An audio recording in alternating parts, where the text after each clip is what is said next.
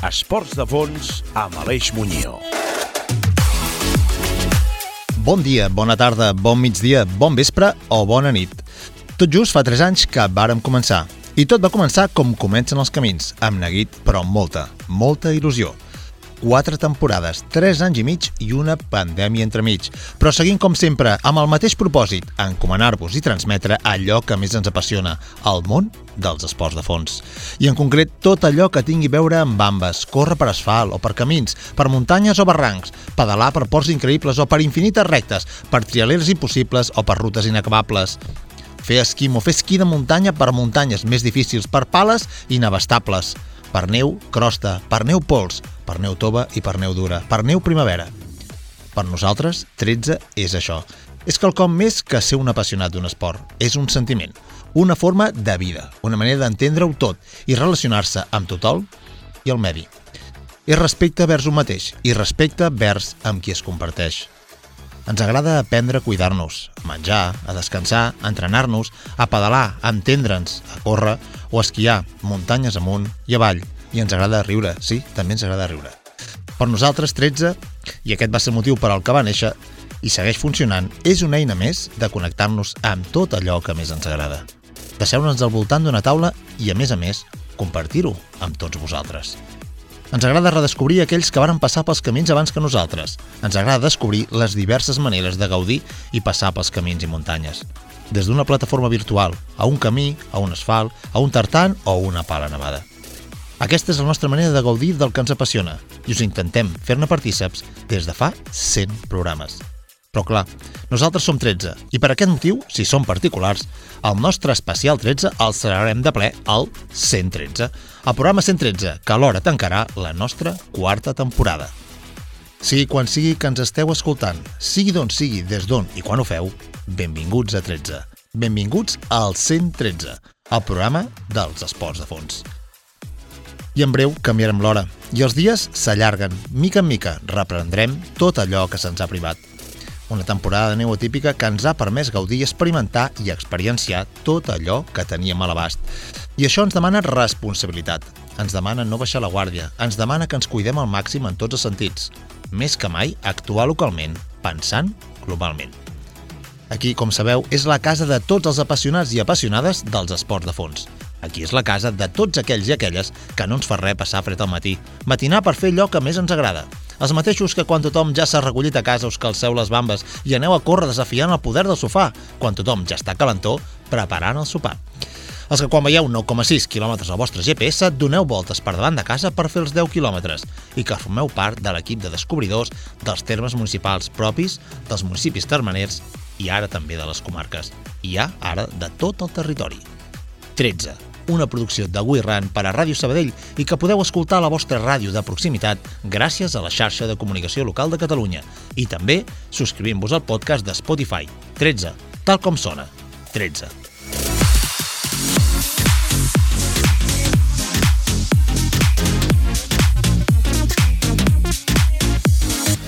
I què tindrem avui a 13? Boc and roll, l'actualitat del triatló, de l'atletisme, de l'esquimo i del ciclisme.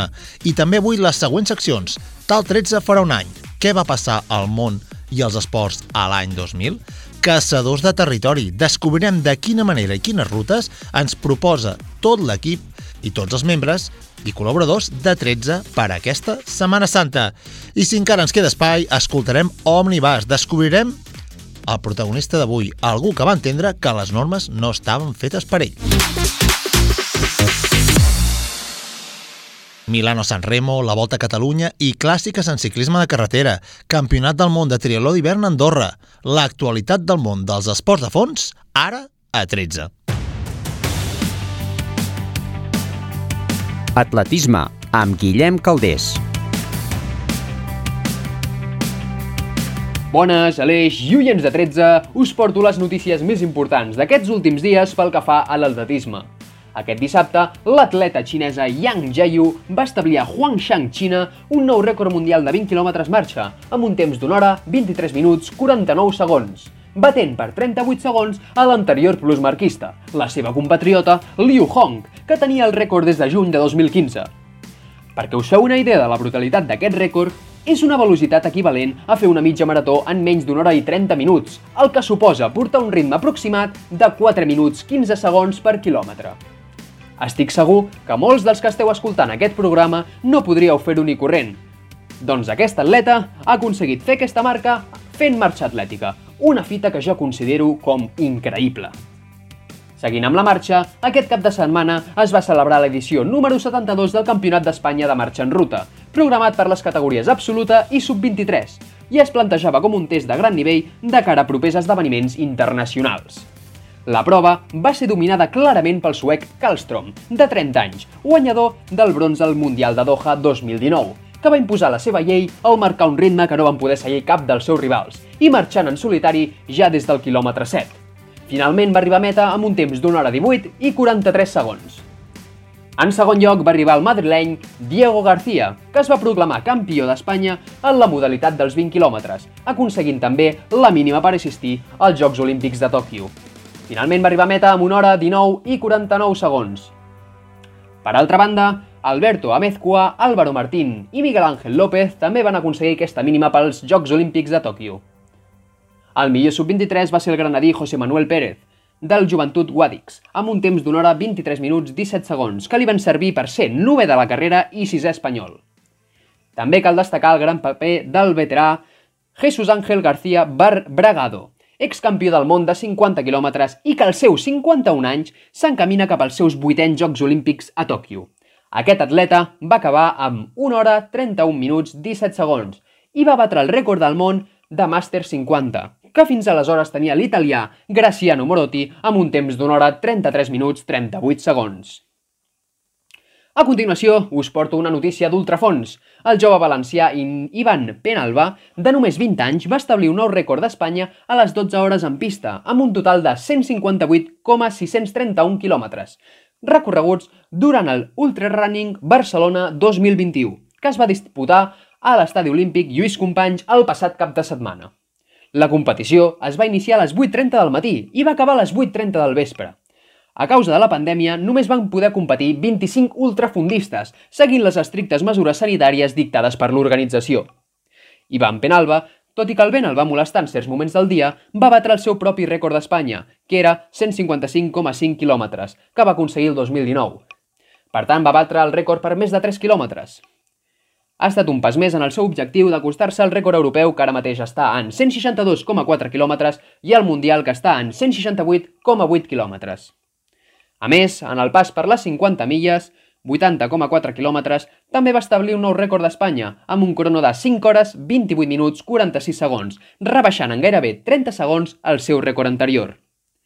En el seu palmarès compta amb victòries en 32 de les 37 ultramaratons en què ha participat i té, al costat de les d'avui, com a millors marques, 3 hores 12 minuts. En els 50 quilòmetres, 6 hores 58 minuts. En els 100 quilòmetres, 13 hores 8 minuts. En les, 6, en les 100 milles, que també és rècord d'Espanya, i 274,332 en les 24 hores, que també és rècord d'Espanya. Pel que fa a les noies, la jove finlandesa Nora Honkala, plusmarquista del seu país en els 50 km, 100 km, 6 hores, 100 milles i 24 hores, va sumar un rècord més al seu palmarès, el de les 12 hores, amb 137,171 km, aconseguint un, un nou rècord de Finlàndia i batent la seva marca anterior de 135,7 quilòmetres.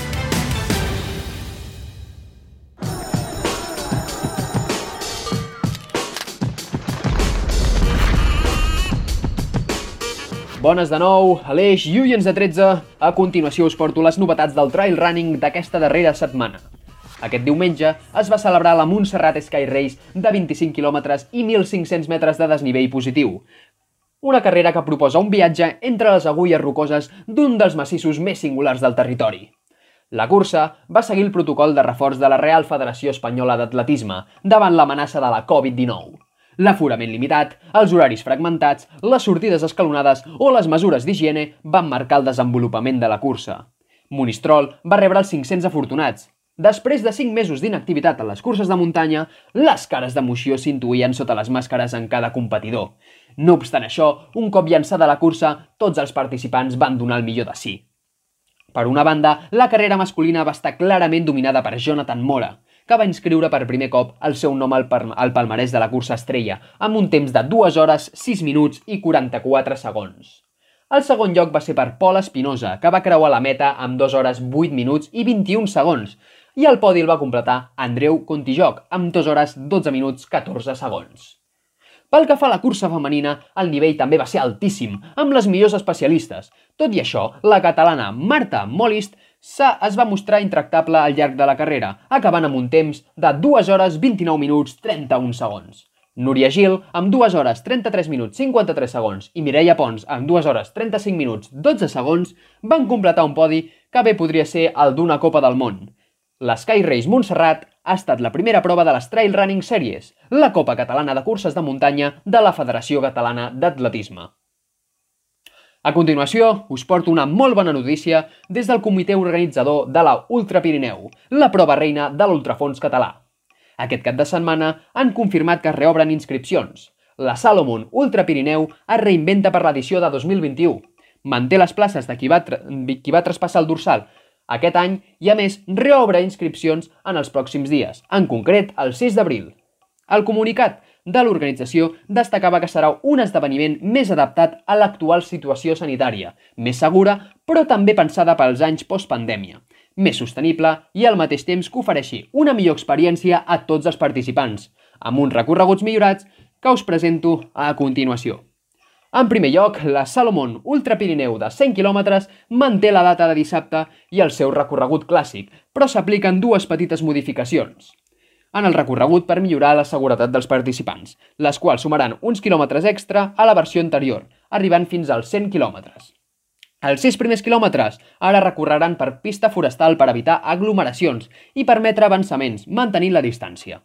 En segon lloc, varien els dos últims quilòmetres fins a meta, que ara recorreran per la via de Nicolau, per així evitar passar per la carretera.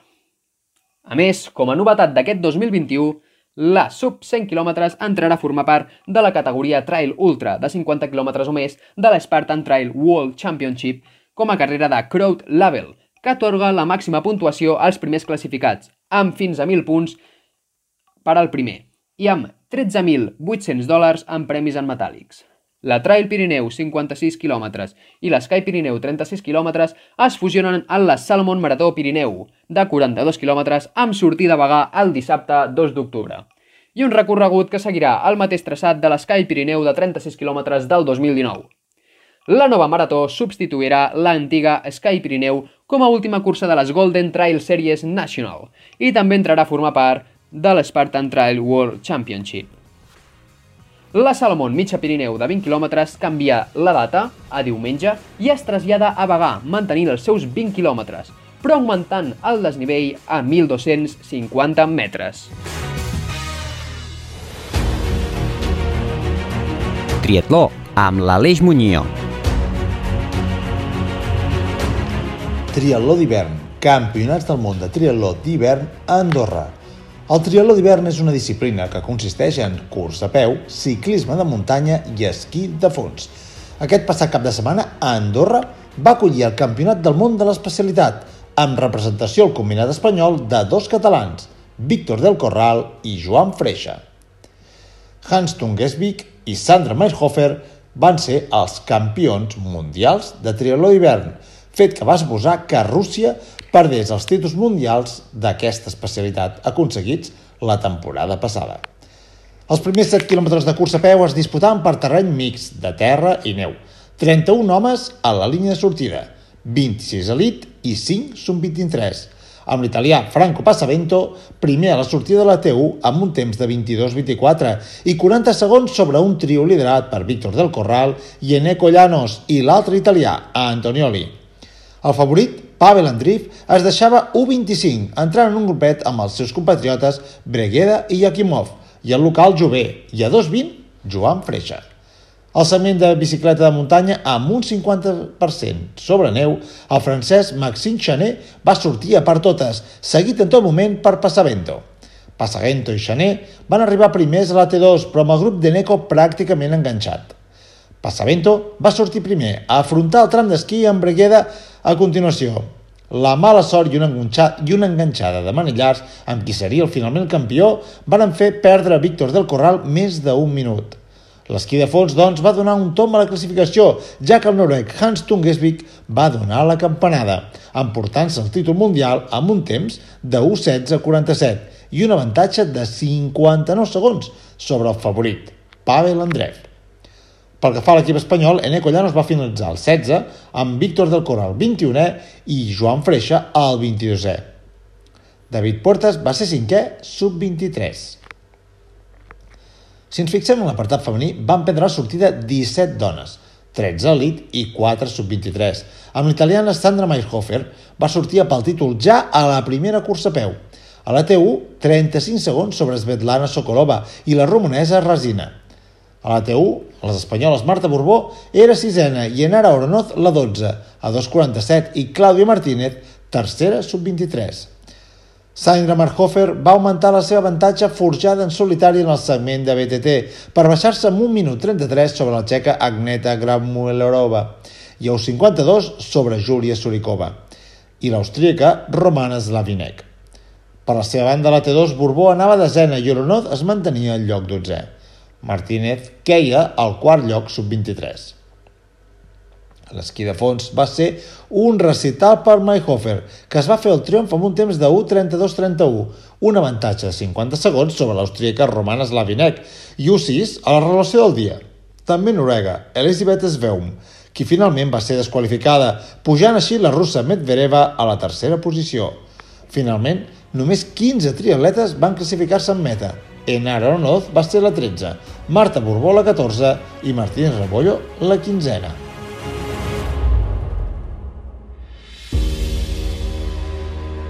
Tretze. Els esports de fons a Ràdio Sabadell.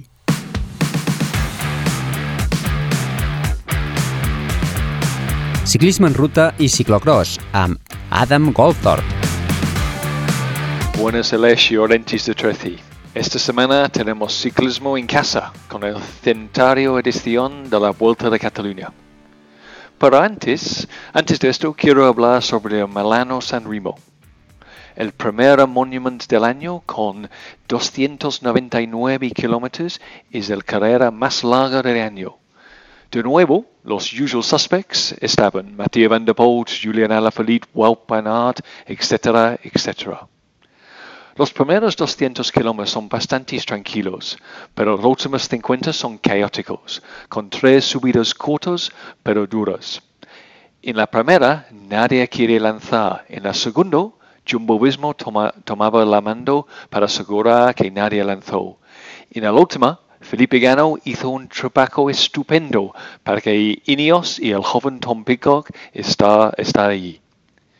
Bajando en los últimos tres kilómetros fue un grupo con Sagan, Mathieu Van der Poel, Kayla Ewan, uh, Wout van Aert y algunos más, incluyendo el belga Jasper Sturen. Mientras las estrellas dudaban, Jasper lanzó un ataque y mientras Kayla Ewan y Wout van Aert intentaba, Jasper tenía suficiente para ganar muy merecido. Mientras, en la volta también hay muchas estrellas de ciclismo. Los Ineos Grenadiers con Carapaz, Port, Dennis, Thomas, Castro Rico, Yates y Luke Rowe. Rowe bromeaba en Twitter diciendo que iba a ser él el líder con todos los demás sus domestics o Gregorians. También será la primera vez que los hermanos Yates compiten con equipos distintos. Sagan, Sepkus, Enrique Mas, Valverde, Michel Jorge, Quintana, Froome, la vuelta está lleno de clase. La, vuelta no es para los sprinters. Casi cada día hay algo de escalar. Claramente, Sagan está aquí para coger forma. El lunes, con la primera etapa, no pasó mucho, pero en el contralog del martes fue más interesante. El ex campeón del mundo, Rowan Dennis, hizo un tiempo estupendo para ganar, y también Port, Dennis, Thomas y Yates hizo tiempos buenos. No es claro, no es claro quién será el líder del equipo. Mañana es la primera etapa de montaña, donde sabremos quién de los grenadiers va a ser líder. No creo será Lucro, pero quién será No lo sé. Tenemos que esperar. Aleix, hasta pronto. 13 esports de fons amb Aleix Muñoz. Esquimo, amb Xavi Palaí. Molt bones Aleix i molt bones oients a 13. Cap de setmana de medalles pels esquiadors catalans. Els membres de la selecció tornen a demostrar ser líders en la disciplina i es pengen fins a 17 medalles al Campionat d'Espanya d'esquí de muntanya per equips, que s'ha celebrat a les muntanyes de Candanxú, a l'Aragó. La prova s'ha vist marcada per les nevades que han tingut lloc hores abans de l'inici de la competició, que si havien deixat una capa de neu nova que ha millorat les condicions del terreny, el recorregut finalment s'ha hagut de modificar. Les previsions de vent i núvols baixos feia perillar la seguretat dels esquiadors a les cotes més altes. Així doncs, els competidors han realitzat un recorregut de 1.900 metres de desnivell positiu per a les categories sènior masculina i femenina. En categoria absoluta femenina, Júlia Casanova s'ha alçat amb la victòria formant equip amb la madrilenya Ana Alonso. I pel que fa a l'absoluta masculina, Nil Cardona i Jordi Alís han quedat en segona posició després d'una lluita molt ajustada amb els campions, els madrilenys Antonio Alcalde i Noel Burgos, que s'han acabat emportant la cursa i el títol. I la medalla d'or de la subcategoria promesa masculina ha estat pel duo català format per Pau Marín i Guillem Ferriol, els quals han estat a punt a punt d'entrar tercers en la categoria absoluta, tot i que finalment s'han fet amb la medalla de xocolata. I pel que fa als esquiadors més joves de la selecció catalana, també s'han penjat medalles en categories júnior i cadet.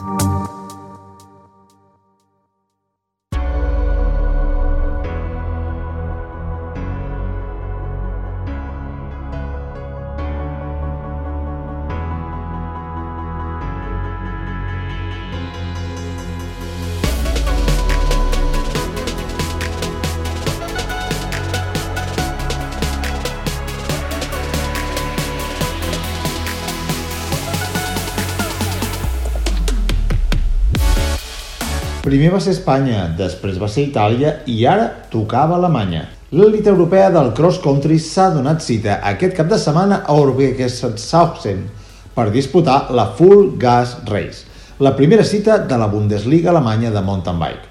Una cursa molt complicada pel fang i la neu que han guanyat Sebastian Fini i Caroline Boe. Sebastián Fini i Caroline Boe van guanyar la Full Race 2021. La temporada segueix avançant i, per sort, es poden celebrar carreres de primer nivell amb les mesures de seguretat ja habituals i, sobretot, sense cap mena de públic. Fins a la localitat alemanya d'Oberhessershausen, i el nom costa, es va desplaçar un gran nombre dels millors ciclistes europeus de cross country, entre els quals destacaven els actuals campions del món, Paulín Ferran Prevot i Jordan Sarrou. El circuit de 4,2 quilòmetres, el circuit no tenia massa zones tècniques, però tenia trams amb neu, i el que més va dificultar la prova va ser l'intens fang de tot el recorregut. A la cursa masculina, els danesos Simon Andreasen i Sebastian Fini es van posar al capdavant des de la primera volta, però una punxada d'Andreasen va deixar Sebastian Fini només en primera posició de principi a fi. Sebastian Fini va guanyar després de top 10 a Espanya i Itàlia la prova amb tret de 7 segons d'avantatge sobre el suís Thomas Licher. El podi el va tancar el campió alemany Max Brandt, que va guanyar el títol nacional en aquest mateix circuit l'any passat. En noies es van dur la victòria la també danesa Caroline Boe, que després d'un atac a falta de dues voltes va aconseguir entrar a meta amb 30 segons d'avantatge sobre la suïssa Nicola Kohler i 57 sobre Anne Tauber. 13. Esports de fons amb Aleix Muñoz.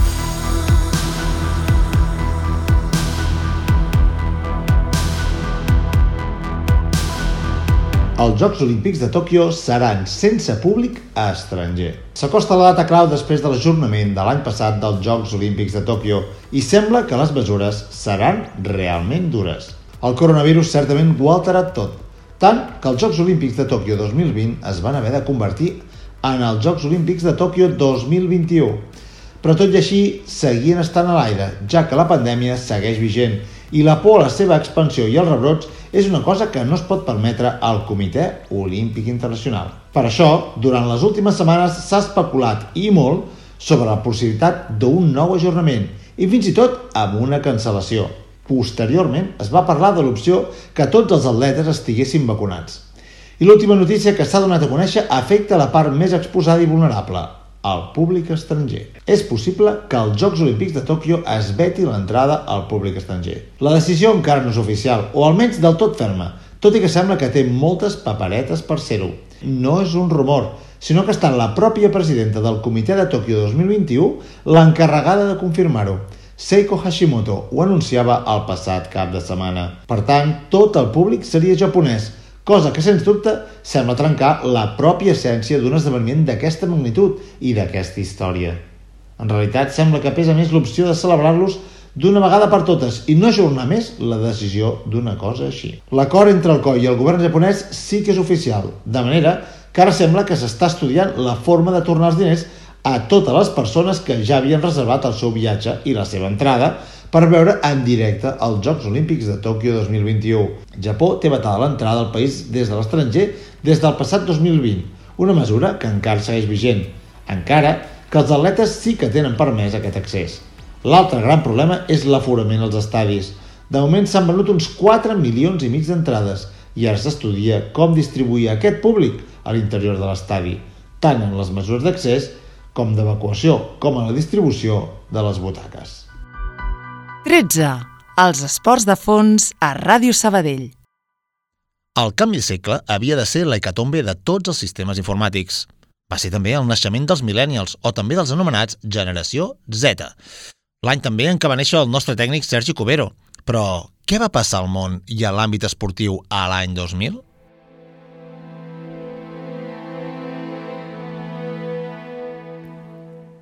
Tal dia farà un any. Amb l'entrada del 2000 es va donar pas a un nou segle, el segle XXI. Aleshores encara no esperàvem que 20 anys després viuríem una pandèmia mundial, però sí que aquell canvi de mil·lenni va marcar els següents anys, sobretot pel fenomen de la immigració, la desacceleració de l'economia en el món capitalista i la violència d'ETA. A Catalunya es va celebrar la primera trobada de regidors dels països catalans, a més, la UNESCO va declarar la ciutat de Tarragona Patrimoni de la Humanitat. A Girona, la seva universitat va inaugurar el campus esportiu de Montilivi i la novel·lista Carme Riera va publicar Cap al cel obert.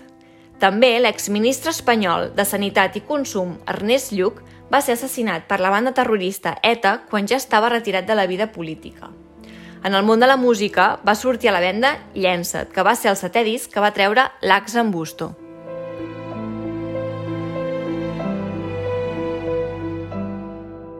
I a la resta del món, al març d'aquell any, es va veure marcat perquè Augusto Pinochet va ser retingut a Londres acusat de crims contra la humanitat. A més, es van celebrar eleccions generals a Espanya, on el PP va guanyar a majoria absoluta amb 183 escons i el PSOE en va obtenir 125. A Rússia, també aquell mes de març, Vladimir Putin va ser elegit president després de guanyar les eleccions presidencials. Al juliol, L'assassinat d'Amanda Milan va provocar protestes de la comunitat transgènere i finalment, al desembre d'aquell 2000, a Manila, a les Filipines, van esclatar una sèrie de bombes que van causar 22 morts i un centenar de ferits. I en el món dels esports d'aquell 2000, Lance Armstrong va ser guanyador del Tour de França. Seria la seva segona victòria en la classificació general, però uns anys més tard, a l'octubre del 2012, va ser suspès de per vida per dopatge sistemàtic i els resultats obtinguts per aquest ciclista després de l'1 d'agost de 1998 van ser anul·lats. En el Giro va guanyar Stefano Garzelli i a la Vuelta Roberto Eras. D'altra banda, el Campionat del Món de Ciclisme en Ruta, que es va celebrar a França, Roman Weinsteins va guanyar la categoria masculina i Zinaida Stauskaya la categoria femenina. Pel que fa al campionat del món de triatló, que per cert es va celebrar a Austràlia, a la categoria masculina va guanyar Oliver Marceau i a la categoria femenina Nicole Hackett. Finalment, en el campionat de ciclocross, que per cert va ser la primera vegada que la categoria femenina mmm, podia competir, és a dir, que les dones podien competir, Uh, a la categoria doncs, femenina va guanyar Hanka Kupfernangel i a la categoria masculina Richard Groenandel.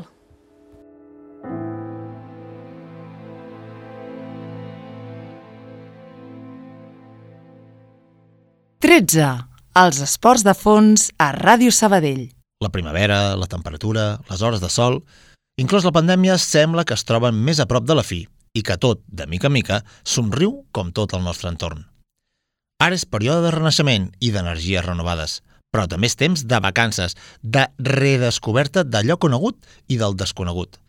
L'equip de 13, tot ell, aprofitarà al màxim els propers dies de festa, on per fi podrem gaudir de tot i íntegrament el territori. Avui volíem fer-vos una secció especial, una secció on cadascun dels col·laboradors i membres de l'equip compartiran i us convidaran a que conegueu i descobriu amb ells les seves propostes, les nostres propostes, les propostes de caçadors de territori de 13 per a la Setmana Santa. Cadascun de nosaltres anirem a caçar de nou rutes arreu de Catalunya rutes noves, rutes conegudes, però que ara, després de tot aquest confinament, seran del tot redescobertes. I volem convidar-vos a que les conegueu, que les feu o que us serveixin de proposta i inspiració. Ens trobem a les portes de la Setmana Santa i tota la família 13, tècnics i col·laboradors, volem fer-vos una proposta del que farem nosaltres per Setmana Santa. Cadascun de nosaltres us direm i us proposarem que descobriu el territori que nosaltres pensem trobar aquesta propera Setmana Santa. Som caçadors de territori i el primer de l'equip de 13 que s'asseu amb nosaltres és en Sergi Cubero, el tècnic de ràdio de 13. Bones, Aleix, jo intentaré poder-me escapar, no tindré gaire fàcil, però perquè estaré fent pintura per tota la casa i llavors, bueno, estaré una mica ocupat, però intentaré poder-me escapar i poder treballar-ne sobretot les zones abdominals i els pectorals. Procuraré fer dos dies de gimnàstica i un dia de natació. Laia Estreguer, periodista i responsable de la secció Tal 13 farà un any. Jo he aprofitat la Setmana Santa per visitar un petit poble de la comarca d'Osona, Tabertet, un municipi que limita al nord amb la regió natural de Collsacabra i al sud amb les Guilleries. Durant aquests dies, a banda de passejar per la ciutat de Vic i comprar fuet, evidentment, també he tingut l'oportunitat d'escapar-me fins al pantà de Sau, descobrir el màgic i preciós poble de Rupit i Pruit i apropar-me a la comarca veïna d'Osona, la Garrotxa, per visitar Besalú i caminar sobre el seu pont medieval. També m'agradaria recomanar-vos que si algun dia neu a Osona, penso que és obligatori pujar fins al massís de les Guilleries – una zona que es troba entre Osona i la Selva, més concretament a Sant Hilari Sacalm. Un espai privilegiat que se situa en una zona de contacte entre la regió mediterrània i l'eurosiberiana i que assoleix una alçada màxima de 1.204 metres. Als seus voltants se situen els embassaments de Sau i Susqueda. Això sí, en neu i els mesos de primavera i tardor, no em vull ni imaginar la calor que hi deu fer a l'estiu. Finalment, si haig de recomanar-vos un lloc d'allotjament, us recomano l'Avenc de Tabertet, una masia rural, restaurada, per gaudir no només del silenci i les seves vistes, sinó també de la seva magnífica piscina, la sala de ioga, els seus àpats i les activitats de senderisme que ofereixen. I, evidentment, doncs, fem costat al turisme de proximitat. Sergi Latorre, entrenador, jugador de rugbi i responsable de la secció al tercer temps. Bona tarda, Aleix, i bona tarda a tothom. Aquest bon home em va proposar que us fes 5 cèntims de què faré Setmana Santa. Doncs bé, m'agradaria que salléssiu a la cadira, pugéssiu el volum, us tranquil·litzéssiu i escoltéssiu bé què farem aquests dies de Setmana Santa. Seran uns dies d'activitat física, ja que recordeu que la vida és moviment i el moviment és vida. Després d'acabar la jornada laboral a l'institut, nosaltres acabem sobre les dues i mitja de la tarda. Bueno, divendres, és veritat, acabarem una miqueta abans, una i mitja. Aquest divendres 26, quan acabi de treballar, m'aniré cap al gimnàs i faré la meva sessió de gimnàs, com a cada divendres. Després aniré a buscar el meu petit príncep, el Martí, que és el nostre fill, i anirem al parc a fer una tarda familiar, amb la meva dona i el, i el petit. Ja que dissabte tinc 3 hores d'entrenament de rugby pel matí, i clar, si no ho compenso d'alguna manera, la dona em matarà.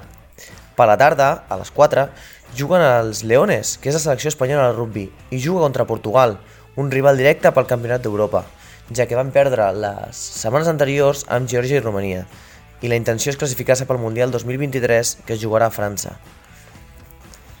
El diumenge 28 farem un dia familiar a Terrassa.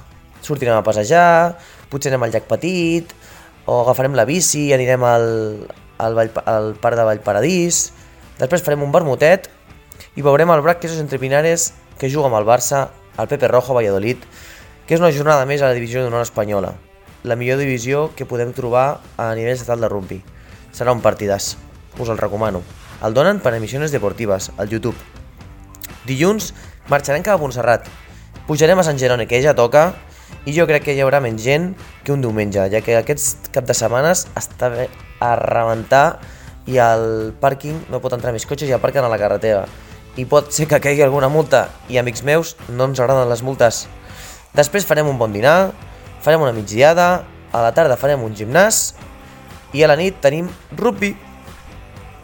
Dimarts farem una mola. És la, és la millor, és la muntanya que tenim just aquí a Terrassa.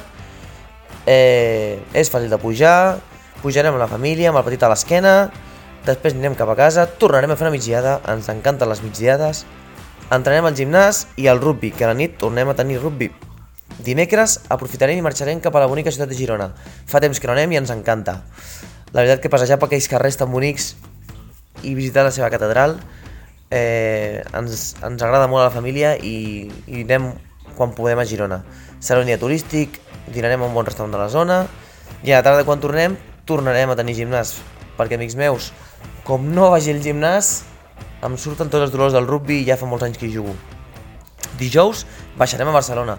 Amb el Martí fa temps que no anem i visitarem els seus grans carrers, farem alguna cosa de gasto i dinarem un bon japonès, perquè a nosaltres ens encanta, ens encanta la, el menjar asiàtic i la veritat que qui no li agradi i li recomano moltíssim i provi un bon, un bon japo, com se li diu, col·loquialment, i que, i que aprofiti perquè és, una, és un menjar fantàstic i molt saludable. Sempre, després, tindrem una bona sessió de gimnàs. Ens hem de mantenir actius i és important eh, no deixar de fer la nostra rutina si ens quedem per la zona, com és el nostre cas. Si marxeu 3 dies, ja caminareu i mantindreu actiu el vostre cos perquè no pari. El divendres, buah, el divendres serà genial perquè encendré el foc, barbacoa, amb la família, cremarem un bon tros de carn i això ho portarà tot el dia perquè el fem estil argentí, ja que juguem a rugby i em relaciono amb molts anys de fa molts anys i ho farem com ho fan ells. Començaré a les 10, 11 del matí, encendré el foc, bones brases, cerveseta freda, eh, xarles llargues amb la família, cremarem un bon tros de carn, amb tranquil·litat, que es faci bé, el seu pur, unes bones patates, alguna, verda, alguna verdureta, per si de cas, i si s'allarga fins la nit, que segurament s'allargui, potser cauen unes pizzas a la barbacoa. Ah, que no heu fet mai pizzas a la barbacoa? Us recomano el que tingui a casa, que ho aprofiti, que les faci perquè estan boníssimes, potser millor, millor que al forn. Dissabte farem alguna caminata. No sabem on, segurament Montseny. Si el temps ens ho permet, anirem cap allà, tranquil·lament, nen a la motxilla o nen a caminar per terra i a jugar amb les pedres mentre caminem, tranquil·litat, sense que tingui molta pendent, tot suau, i poder xerrar amb la família i passar un dia bonic. Després farem una sessió del gimnàs i, i a la nit descansarem, veiem una bona pel·lícula. Diumenge, si tot va bé, tornarem a fer un assador. Potser amb l'Aleix, mai se sap, perquè a aquest home li agrada molt la carn. I eh, segurament sigui de Girona. Així que, si s'anima i vol, cremarem un bon tros de carn, però això sí, que agafi paciència, que dura tot el dia l'assador. Dilluns, dilluns fem la mona. Espero que ningú estigui, estigui perdut pel món sense fer la mona, perquè és un dia familiar. Nosaltres, per exemple, la fem a casa, amb el petit, Eh, la fem tots junts, fem el xocolata, la posem, la muntem, posem les quatre decoracions que posem i a la tarda ens la mengem. La veritat és que el dilluns descansaré, no faré gimnàs, el dedicaré a menjar, dormir i, i descansar, com un bebè, vida de bebè. I vosaltres què fareu a Setmana Santa? I recordeu, el moviment és vida, la vida és el moviment. Manteniu-vos actius. Adeu.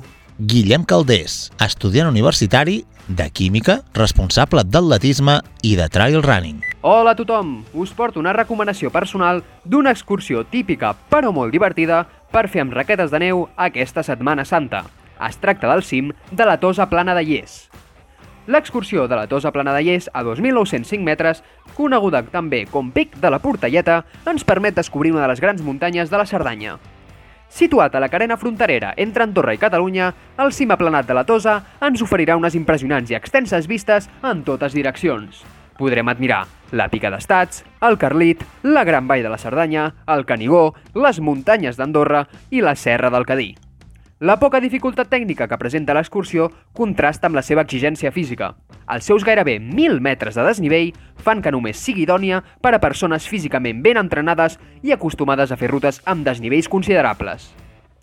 Començarem l'itinerari al refugi de Cap de Rec, on també us recomano passar la nit anterior. El tracte en aquest refugi és excel·lent i de ben segur que us agradarà. Està situat just al costat de la base de l'estació d'esquí nòrdic de Lles de Cerdanya. Al llarg de la primera part de l'excursió us podreu endinsar en un magnífic bosc de pi negre, fins a arribar a un altre refugi, el de Pradell, des d'on gaudirem d'unes bones vistes de la cara nord del Cadí. En aquest punt és on comença pròpiament l'ascensió a la Tosa Plana. Es puja per un terreny ben còmode fins al Pla de les Someres i es continua l'ascensió avançant per l'ample palassut de la Tosa Plana de Lles fins a arribar a dalt del cim. La tornada es pot realitzar pel mateix itinerari o baixant en ruta circular fins a l'estany de l'Orri, un bonic llac que queda amagat pel bosc als peus de la Tosa. L'activitat dura unes 8 o 9 hores, depenent del ritme de cadascú, comptant parades per descansar, menjar i beure aigua. Com he dit, l'exigència física és força elevada per l'alt desnivell que s'ha de pujar i baixar en 12 quilòmetres que dura l'excursió. Tot i això, la dificultat tècnica no és elevada i qualsevol que tingui una mínima experiència amb raquetes de neu ho pot realitzar sense cap dificultat. És molt important per això, com sempre, anar molt ben equipats. Imprescindible dur motxilla individual, roba d'abric transpirable i còmoda, pantalons i mitjons de muntanya, botes de muntanya impermeables de canya alta, guants i gorro. Per si plou o neva, molt recomanable dur un ponxo capelina o anorac impermeable i funda impermeable per la motxilla. Finalment, per protegir-nos del sol, molt important, les ulleres de sol, la crema solar i la protecció pels llavis. Ja per acabar, molt recomanable portar litre i mig d'aigua i el menjar que cadascú consideri, com pot ser fruita, barretes, entrepà, fruits secs i finalment, molt important, moltes ganes de passar un gran dia a la natura.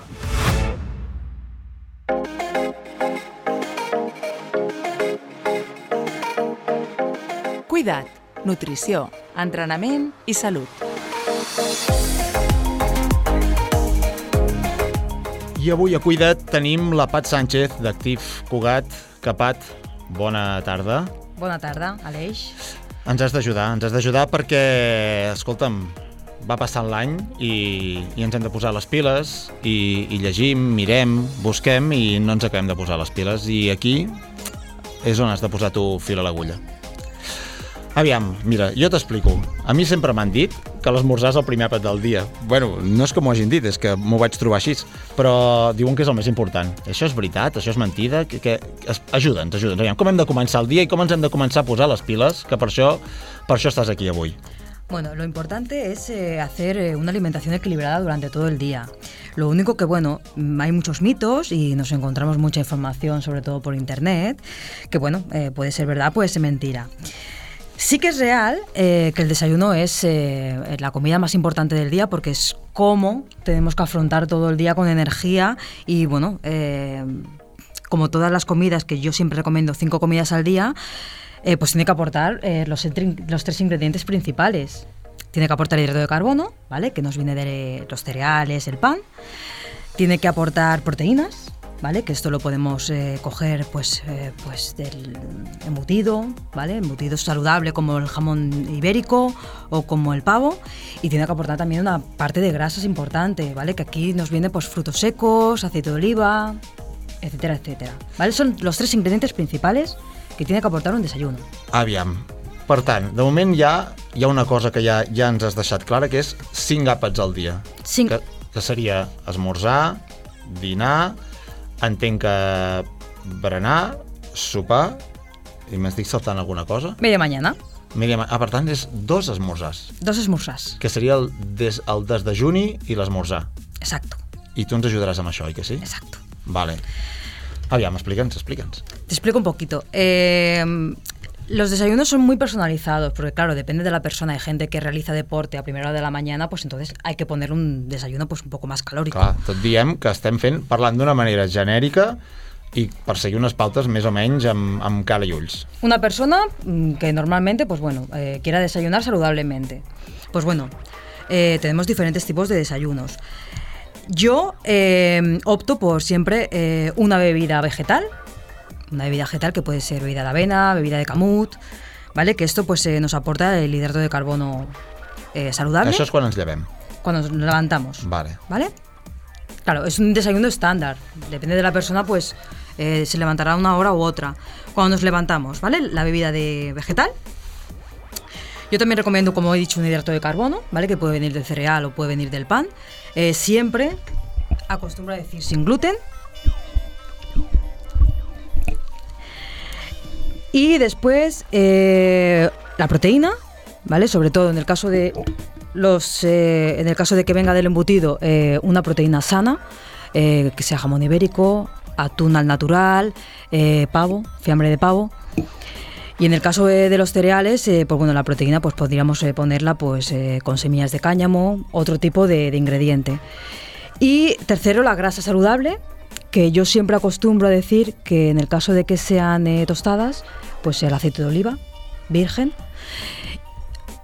Y en el caso de que no sean tostadas y sean cereales, pues frutos secos, ¿vale? Sobre todo Vale, nueces perfecte. y almendras. Per tant, aquí, de moment, la mantega, que és el desayuno continental, això ja és una cosa super, super prohibidíssima. No recomiendo mantequilla. No, re- ostres, l'Isaac Partera, quan et senti veuràs, eh? Ja No veuràs. recomiendo la mantequilla por el tema de su composición. Vale, vale. No, no, jo, jo m'apunto per fer els deures. Això ja en parlarem, però per fer els deures. Escolta'm, per tant, però saps què passa? Que a mi potser a vegades em costa, quan em llevo, tenir tota aquesta gana per menjar-me la beguda de, de camut o, o de soja. Que ja et dic que la de soja sí, però la de camut, mm, jo sé que hi ha un pa que fan amb camut o alguna cosa així, però Sí. de soja no...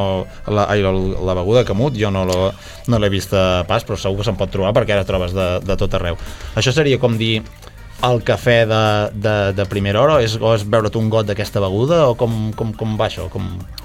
Eh, esta bebida la podemos combinar con café o, o sola o bien en un batido. Hay gente que se hace batidos de frutas, entonces también sería posible una, una posibilidad hacer esta bebida pues eh, con un aguacate y un plátano y tenemos un batido muy rico, muy energético. Carai. I això, Vale. just llevar-nos, pam-pam, fem això. Listo. Ole. Este yo he puesto a primera hora cuando nos levantamos, pero si una persona pues no tiene costumbre de a primera hora desayunar, pues esto lo puede hacer a media mañana y a primera hora de la mañana pues comer pues unos frutos secos y una fruta. Perquè clar, el tema de sortir en ayunes i passar-te dos, tres hores fins que ens fa mal al cap no seria massa no recomanable. es recomendable. No es recomendable porque entramos en cetosis y bueno, eh, todo lo que es eh, concentración pues nos cuesta más. Això. Fetosis seria? Explica'm això, eh, que... Jo aquest dia Cetosis- no hi era a escola, eh? La cetosis es entrar eh, pues en un estado en el cual el cuerpo obtiene la energía a través de mm, reservas, glucógeno, proteína y claro, eh, este estado de cetosis si se alarga mucho en el tiempo, eh, pues es lo que afecta a disminuir la musculatura, que son las típicas dietas proteinadas en las que no se consume hidrato de carbono. Entonces esto mm, bueno, en un periodo de tiempo, en una dieta de estas proteínas sí puede ser efectivo, pero en un día a día no. Val, i si estem parlant d'una forma genèrica, el que seria per poder rendir òptimament, una persona faci una activitat física més moderada o qui va treballar de forma normal i tot, o inclús eh, qui sigui un estudiant, l'ideal seria quan ens llevem, prenem aquest, aquest petit desdejuni, bueno, que ja és un desdejuni que té prou de cara i ulls, i al cap de, què, 3 hores, 4, seria el que seria esmorzar? Com, com ho veuries tu? Lo que acabo de decir pues sería el desayuno y al cabo de tres horas yo recomiendo pues hacer pues como si dijéramos una media mañana, ¿vale? Para que el cuerpo pues bueno eh, vaya pues metabolizando los alimentos y no se quede en, en le- lento el metabolismo y llega un punto de que acumule. Entonces a las tres horas eh, yo acostumbro a recomendar pues depende de la persona, una pieza de fruta y unos frutos secos o un yogur siempre vegetal o sin lactosa Vegetal o sense lactosa. Vale. Això del sense lactosa t'he de dir que com que ja m'ho vas dir un dia, jo ja sempre prenc llet sense lactosa. Otro día hablamos del tema de la lactosa Sí, sí, un, un dia m'has d'explicar totes aquestes coses y te explico el porqué, el porqué. También recomiendo pues el tema de las gelatinas, ¿vale? Las gelatinas 0% pues eh, aportan eh, proteína y colágeno, Però això la gent s'ho menja per esmorzar, això? Dos gelatinas, Ah, sí? no, Carai, ostres. sería una alternativa. Clar, jo, t'he de dir veritat, l- l- el, el meu bagatge seria, doncs et lleves, et fas el suc, potser fas el cafè, te'n vas, fas, fas... Clar, ja diferent de quan un dia que fas activitat, potser més al cap de setmana, el dia quan entre setmana potser vas a treballar i vas més regit per, per un horari, però seria, fas el desdejuni per trencar potser aquest estat, fas el suc, fas potser un cafè i llavors doncs cap al cap de 3 hores, 3, 3 hores i mitja més o menys, doncs fas doncs, l'entrepà i potser fas un segon cafè. Això, això seria potser una animalada o seria correcte, això també? Pero fas- eh, haces deporte. Això seria un dia normal. Un día normal que no, no haces deporte. Exacte, un dia de- d'anar de, de, de treballar i fer la parada de- de- d'esmorzar de, normal i corrent, que crec que potser seria el que, el que la gran majoria de gent que potser no pot dedicar al matí eh, dels set dies de la setmana a fer activitat, doncs, potser es troben amb, amb aquest paràmetre de em llevo, tinc una parada per esmorzar, on puc fer una segon, un segon àpat i llavors, en tot cas, podria anar-me'n ja cap a, cap a el que seria el dinar, que seria més, més tard. Cosa que seria important també llavors amb això és quins seria doncs com els paràmetres horaris més bons per dir, ostres, doncs si prens aquest primer esmorzar a les 7 o les 8, doncs hauríem de deixar passar 2, 3 hores per tota aquesta cosa que és de la cetosis, doncs de que no, de que no ens trobi. Què penses tu? Com creus que seria l'ideal? A ver, eh, el tema de la cetosis es si me levanto Y y, voy en- hasta las 10 o las 11 no... no Que voy medio pajarito. Exacto. Clar, sí, Esto no es clar. óptimo. Entonces, pues yo lo que recomendaría, una persona... Ah, ya está. Una persona que, que se levanta, al mínimo eh, tomar un zumo y unos frutos secos. Vale. Que después quiere hacer la parada a las 10, 10 y media, pues bien. Que se tome el desayuno que. Uno, uno de los desayunos que he propuesto. Desayunos hay muchos, y muy sanos y muy variados. No tenemos que centrar solamente en este desayuno. Vale. Llavors, per repassar i eh, per concloure, tenim el, els camuts, soja, en tot cas, inclús també possibilitat de sucs. Avena, arroz, a ver, hay mucha cantidad, Molta mucha quantitat. variedad de bebidas Fruit. vegetales. Això un dia ens haurem d'analitzar bé. Tenim el, els fruits secs, també. Tenim la proteïna, que has dit, proteïna d'ocasana, com podria ser pernil ibèric. També has dit pavo, tonyina, oi que sí? Tofu, en el, en el El caso de que sea una persona vegetariana, tofu. Exacte. I llavors eh, ja ens vindria també el que dèiem, la grassa sana, que podria ser provinent o bé d'oli d'oliva o, què m'has dit més també? Podria... Hi havia un advocat per aquí o això no... Al- sí, también podría ser. El, También puede ser el- el- el aguacate y, y los frutos secos. Els dicho. secs, vale. Escolta'm, cafè sí, oi que podrem fer? Sí, café sí, pero Val. no abusar. No abusar, vale. I el tema de què hi posem al café per endolcir-lo, també això ens un dia ens ho També. explicaràs. Escolta'm, Pat, doncs me prenc nota, em posaré a fer de conillet d'Índies. Moltes gràcies. Muy bien, muchas gracias. Començarem el dia una miqueta ja endollats de com ho hem de fer. Perfecto. I fins la propera. Igualmente. Vinga. Gracias. Adéu, nois. Ja sabeu, anoteu i a fer bondat. 13. Els esports de fons a Ràdio Sabadell. I 100 hores després acomiadarem el 13 d'avui. Amb la curació de Joan Moya, Adam Goldthorpe, Guillem Caldés, Xavi Palaí, Lai Estreguer i Sergi Latorre, i amb el suport tècnic de Roger Benet i del gran Sergi Cubero. I 13, quan vulgueu i on vulgueu, som a Spotify. Teniu a la vostra disposició el podcast de 13 cada setmana. 13, tal com sona, i en lletres. Podreu linkar-vos directament també des del nostre perfil d'Instagram, arroba 13 espai esports de fons. De debò, gràcies per formar part de la família de 13 i d'aquests 100 programes. Una producció de WeRun per a Ràdio Sabadell i que podeu escoltar també a la vostra ràdio de proximitat gràcies a la xarxa de comunicació local de Catalunya. Esperem que pugueu gaudir al màxim d'aquests dies que s'allarguen, que s'omplen de sol i de temperatures benignes, que l'eclosió de la primavera us permeti, ara sí, gaudir de tot el nostre territori. Esperem que aprofiteu les recomanacions que tot l'equip de 13 us ha fet per aquesta Setmana Santa i que les aprofiteu, que les gaudiu al màxim. I si descobriu territoris nous, que ens els compartiu amb nosaltres. Podeu etiquetar-nos, ens agradarà veure a on gaudiu dels vostres esports. Per fer-vos més amena aquesta redescoberta de l'entorn, teniu al vostre abast la llista de Spotify 13BCO, on hem anat afegint totes les cançons del nostre imaginari, la banda sonora de 13 de totes les temporades de 13. I avui, per acomiadar el programa 100, us deixem amb One More Time, de Daft Punk, un èxit que és tot un referent de la recentment dissolta banda. Precisament es va publicar un dia 13, en aquest cas, 13 de novembre del 2000.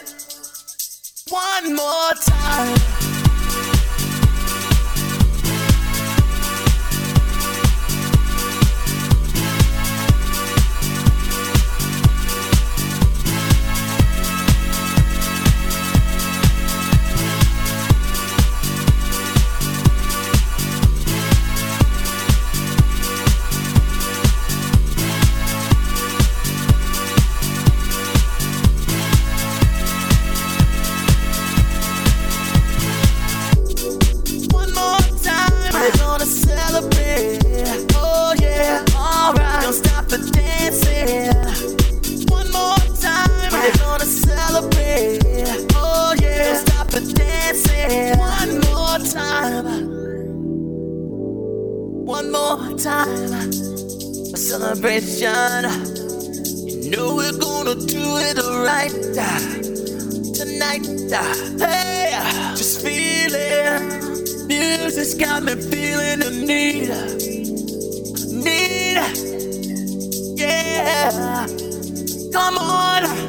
Alright. We're gonna celebrate one more time. Celebrate and dance so free. Music's got me feeling so free. Celebrate and dance so free. One more time. Music's got me feeling so free. We're gonna celebrate, celebrate and dance so free.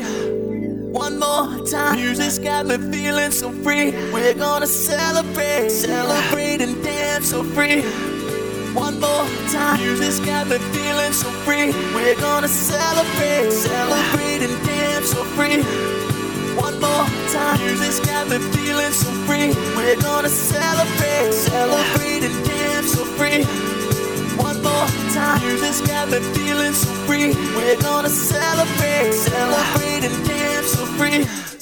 One more time. Music's got me feeling so free. We're gonna celebrate, celebrate and